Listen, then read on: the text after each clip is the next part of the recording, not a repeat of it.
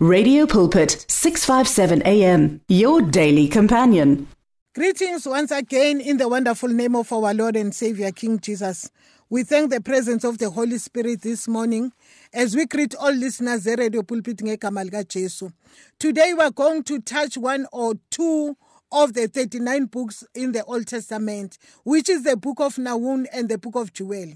uNkulunkulu has raised up those minor prophets and in their books uh, sifunda that we are serving the God who sent his grace before his wrath especially to the book of Nahum ukuthi uNkulunkulu eh eh uNkulunkulu cannot uh, punish a person uma engazange he is a compassionate god. In fact even the meaning of the name unawum means compassion.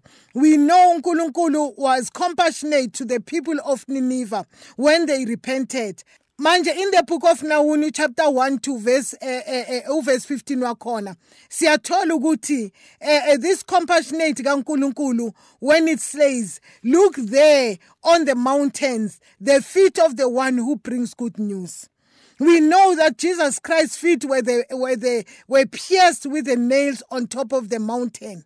The very feet that went all over to minister to people and the very verse Paul repeats in, in Romans chapter 10, verse 15, when he said, How beautiful are the feet of those who preach the gospel of peace. Now, Incwadi was a counterpart of the book of Jonah and was written a hundred years after eh eh, eh send the nation had a compassionate eh, was compassionate kwisizwe sani sase Nineveh but now in the book of Nahum, eh uNahum is prophesying iref eh kuphi eNineveh as we sibheka lapha ku verse 6 wakhona kwibook of Nahum lithi lapha yana masilifunda who can withstand his indignation the anger? Who can enjoy his fierce anger? His wrath is poured out like fire. The rocks are shattered before him.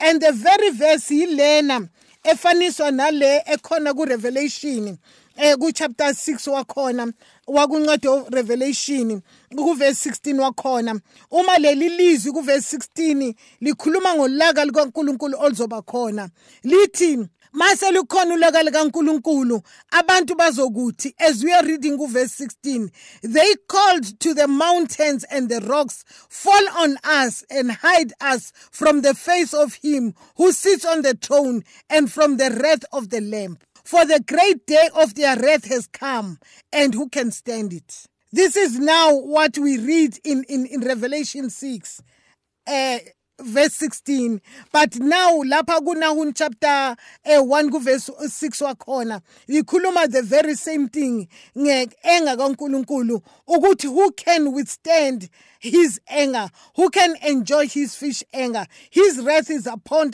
is poured out like fire. The rocks are shattered before him. Manje ekseni kwanamhlanje this book of, Nahum reminds us that uJesu Kristo came makeza firstly eyofesiphambanweni weza as a savior but the second time uJesu makezobuya he won't come as a savior he will come as a judge. Manje the dispensation ye grace will will not um, one day it will be over. Ngoba sibona nakuncwadi eh kaGenesis lapha kwiakho kaNoah ukuthi izwi likaNkuluNkulu liyasitshela ukuthi uNkulunkulu wavala umnyango. Manje kuba khona kuzoba khona umnyango ovaliwe. Abantu banikezwa isikhathi sokuphenduka nathi sinikezwa isikhathi sokuthi sishumayeze abantu. Ngani? Ngoba uNkulunkulu sababizela kuye abantu njengoNoah wayebizela yonke into kuye. Abangazange baphenduke kwaze kwangena izilwane endaweni yabo. Manje la ekseni kwanamhlanje sizokhuluma ngencwadi kaNahuni. Sibona uNkulunkulu sekekhuluma kule ncwadi ngolaka lakhe. And at first makekhuluma uNkulunkulu ethumela uJona wayekhuluma ngegrace yakhe. Ngegrace kaNkulunkulu abayithola eNiniva yokuthi bathethelelwe. Ngani? Ngoba uNkulunkulu instead ukuthi abadestroy wabathethelela. But now the the topic of our message today eh itopic yemessage yethu namhlanje ithi tell it to the next generation. Why the, the people of, Nini, uh, of Nineveh? Uma uNkulunkulu sekubhala the book of Nawuni uh, it's because they never told it to their generation. Ku chapter 3 eight reasons uNkulu eh, lapha kuncwadi kaNawoni ku 3 eight reasons are presented why Nineveh will be destroyed. Number 1 it was a bloody city. Number 2 it was, it was full of deceit corruption Number three, it was full of robbery. It was full of complicity. And number five, it was full of immorality. Number six, it was full of witchcraft. Number seven, it was full of drunkenness. Number eight, it was full of oppression. Manje nanamhlanje masizibheka lezi zinto zikhona nasema nasendaweni ezihlala kuzo namhlanje ukuthi izwi kaNkuluNkulu lithi uNiniva into yamenza ukuthi uNkulunkulu afune kumdestroya it was a bloody city. How many times nakithi amagazi achithekayo? Sometimes kulo magazi achithekayo ubona imvula ziningi zize zihamba nabantu. And sometimes we don't even question ourselves ukuthi why imvula ezingaka? Why zize zihamba nabantu? It's like god is cleaning the blood echithekayo. Ngoba abantu babulawa nje noma kanjani babulawa njengeimpukane abantu bangenelela emakhaya amabebulala babulale ngisho nomntwana. Balibala ukuthi kukhona amehlo ababhekile. Manje kwakunjalo naseniniva. Uma uNkulunkulu ethumela uJona it was because it was a bloody city. It was full of corruption. It was full of robbery. It was full of witchcraft. It was full of immorality. Immorality ilesibonayo namhlanje izinto ezenzakalayo eh namhlanje immorality. Zonke lezo zinto amaphoni zonke izinto zonke lezo zinto immorality. The drunkenness ekhona full of oppression. Yizinto ezanza ukuthi uNkulunkulu athumele uJona eNiniva manje now as we are reading incwadi kaNahuni siyathola ukuthi uNkulunkulu manje eh ukhulunya ubhala uthumela umprofeti ongunawuni after 100 and two years to go again to Nineveh.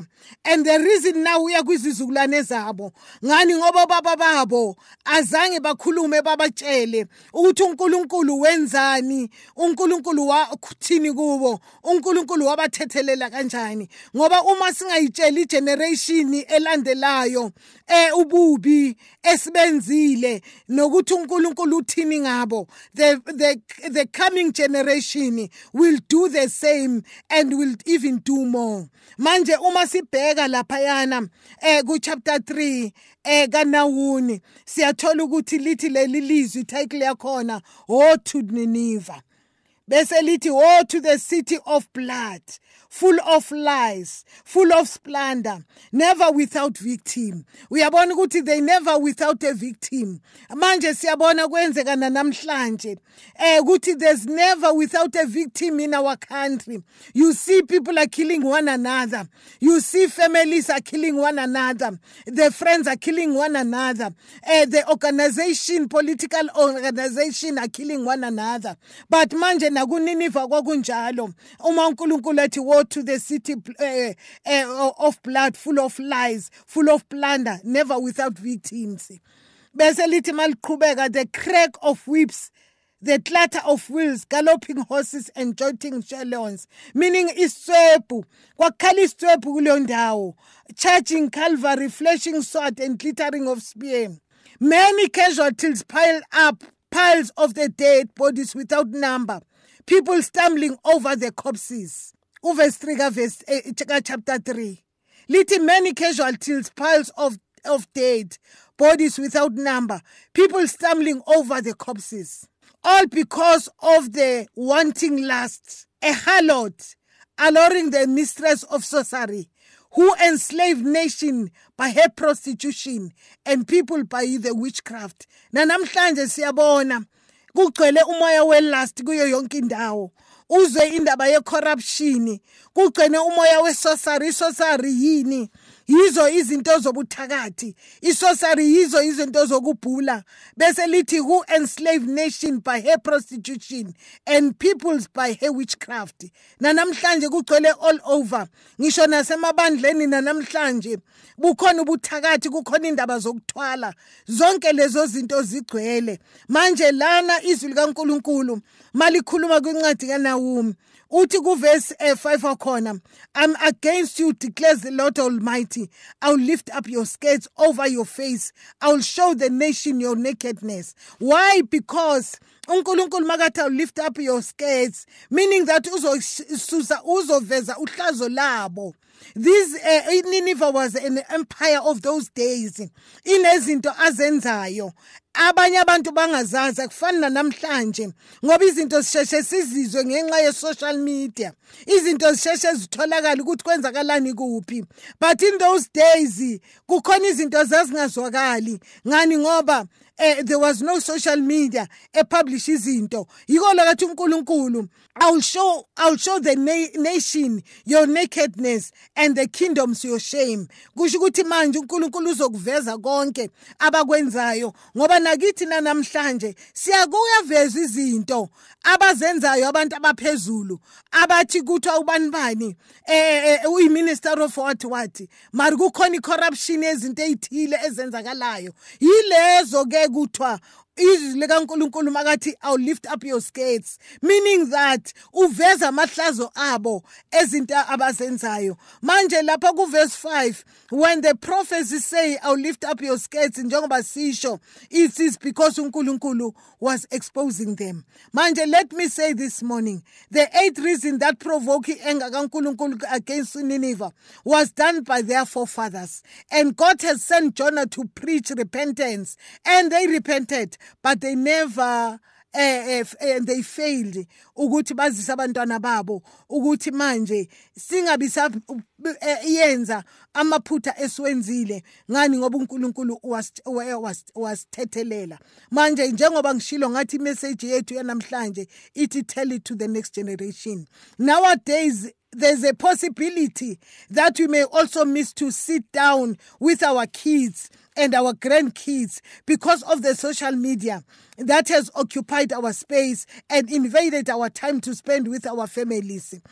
Although eh eh don't know ukuthi what made bona abaseniniva ukuthi bona bangakhona ukuhlala negeneration elandelayo bayitshele ukuthi uNkulunkulu kwenzakalani nezono zabo zenzakalani bathethelela kanjani. But today if we can adopt what uDavid eh ayibhala lapha yana kumahubo eh ku71 eh kuverse 14 wakhona uma uDavid ethi make khuleka athi since uh, my youth God, you have taught me to, to this day. I declare your marvelous deeds. Even when I'm old and gray, do not forsake me, O Lord, till I declare your power to the next generation. You might you might to all who are to come manje lapho siyabona noDavide uthi manje uNkulunkulu ngiyacela ukuthi ebudaleni bami ungangithathi till I declare your marvelous deeds. Even when I'm old and gray, do not forsake me, O Lord, till I declare your power to the next generation, your might to all who are to come. Yiloko nathi kufanele sikhalele this morning. Ukuthi there's a lot of things eh uNkulunkulu azenzile which we need to declare them to the next generation.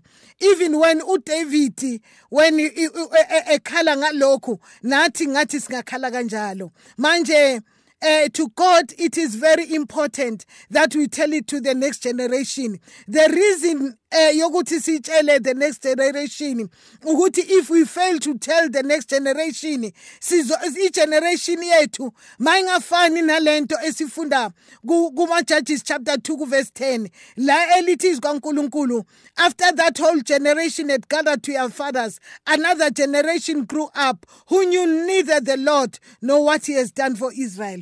And yet in Joshua chapter 4 siyafunda ukuthi eh uJoshua uma becrossela ngale lithi izikaNkuluNkulu mabese Gilgal wabeka the 12 stones and wabatshela ukuthi in the future when the descendants ask their fathers what do uh, what do these stones mean tell them Israel crossed the Jordan on a dry land, for the Lord your God dried up Jordan before you until you had crossed over. Manje uyabona ekseni kwanamhlanje eh lapho izinto ezincane but as important ukuthi the next generation may know about them. Uyabona mabe crosser iJordan that time abangcwele iJordan river kwabake baye-Israel thina sibona nje umfulanyana but the Jordan river ebeyinkulu beyibanzi. It was very wide ngoba sazi ukuthi nasemalokishini ethu bekukhona imifula kodwa uma uthi uyayibheka after 30 years sezinciphile sekwa imifulanyana kufana neJordan River namhlanje. Kwabaya kwaIsrayeli sibona kumfulanyana but kwakumfula owamkhulu uNkulunkulu and uNkulunkulu wenza ukuthi nokuphuma kwabantwana bakaIsrayeli baphume when the river is overflooded azange yenze ukuthi baphume when the river is not of, uh, overflooded wathi uNkulunkulu bacross when the river is of, uh, overflooded why because uNkulunkulu ebefuna ukubonisa ubukhulu bakhe manje uNkulunkulu uJoshua wabeka amatshe wathi tshelani izizwe generation elandelayo. Manje ekseni kwanamhlanje uNkulunkulu wants us to tell the next generation. Uyabona lesa sikhathi sikwazi ezikolweni ukushumayela ivangeli ezikolweni ukuya kuma ekseni uthola ukuthi kuyahlangana esikolweni kuyakhulekwa. Thina abanye ivangeli leli salithola kuma SCM kushunyayelwa ku SCM ngama ngalezo inkathi sasibancane ivangeli salithola khona. Manje ekseni kwanamhlanje izwi kaNkuluNkulu lithi tell it to the next generation. Manje the book of Joel was written to call Israel to repent and that the time Israel was enjoying the massive prosperity that made them no longer wanted to conquer they just wanted to ukuthi bahlale badle luxury kube njalo. Manje it was important to them uh, was to pursue what was important to them was to pursue the pleasure and get drunk. Even their priests were getting drunk. In the midst of all that the nation of judah was attacked by a plague and their economy was devastated by the uh, four types of locusts which was the palmer worm the locust the canker worm and the cap- uh, caterpillar which devoured uh, their fields and their economy. It was devastated manje siyabona ukuthi kwangaleso sikhathi babephila ngani ngeagriculture. Manje into esiyikhulumayo namhlanje ukuthi manje uNkulunkulu uma ezo ezothumela unawoni unawumi kule ncwadi kaNawumi ukuthi mayibhalwe wayethumela kubantwana baseNiniva ukuthi manje ngoba abobaba benu azange banitshele ukuthi mina lezi zinto angiyifuni. Now i'm going to destroy you totally. Angeke ngisabuza lutho. I'm going to destroy you complete. Manje la uNkulunkulu kuyila ebonisa na ku chapter 2 ukuthi manje uma ezoba destroyer masifunda ku chapter 2 uma unesikhathi uyifunde especially from verse 3 wakhona la uNkulunkulu ekhuluma ngezinto azozenza ikhali azozithuma azozithumela ukuthi aba destroy laba bantu. Why? Because they never told it to the next generation manje it is important to tell it to the next generation into uNkulunkulu ayifunayo ku Genesis chapter 50 ku verse 2 siyafunda ukuthi uJoseph eh after 120 years old when he was about to die he called his brothers and assured them that uNkulunkulu surely uh, will come to their aid to take you out of Israel. I mean, out of Egypt. But please take my bones with you nidluleni nayo. Manje ekseni kwanamhlanje lokho wayekwenza ngoba bamtshela ukuthi yazini uNkulunkulu wathi kuzokwenzakalani. Manje wayekhumbuza nalabo ukuthi lento uNkulunkulu ayikhuluma izokwenzakala nina kufanele nenze ukuthile manje ekseni kwanamhlanje ukuthi abantwana bethu let's sit down sike siswitch off ama television sibeke siswitch off ama phone sike sihlale nabazukulu bethu and tell them about God njengoba uNkulunkulu into ayifunayo. Just for a, a, an hour or half an hour per day or maybe two hours in a week, sit with them and tell them about God and tell them about the, the, the, our, our forefathers, izinto ezinhle abazenzile, uNkulunkulu eh, ezezamjabulisa. May God richly bless us this morning as we need to tell it to the next generation. We have an obligation esinikeziwe uNkulunkulu. May God richly bless us in Jesus name. Amen. The words of the Lord are words of life. Your heart is on 657 AM. 657 AM. Radio for believers in action.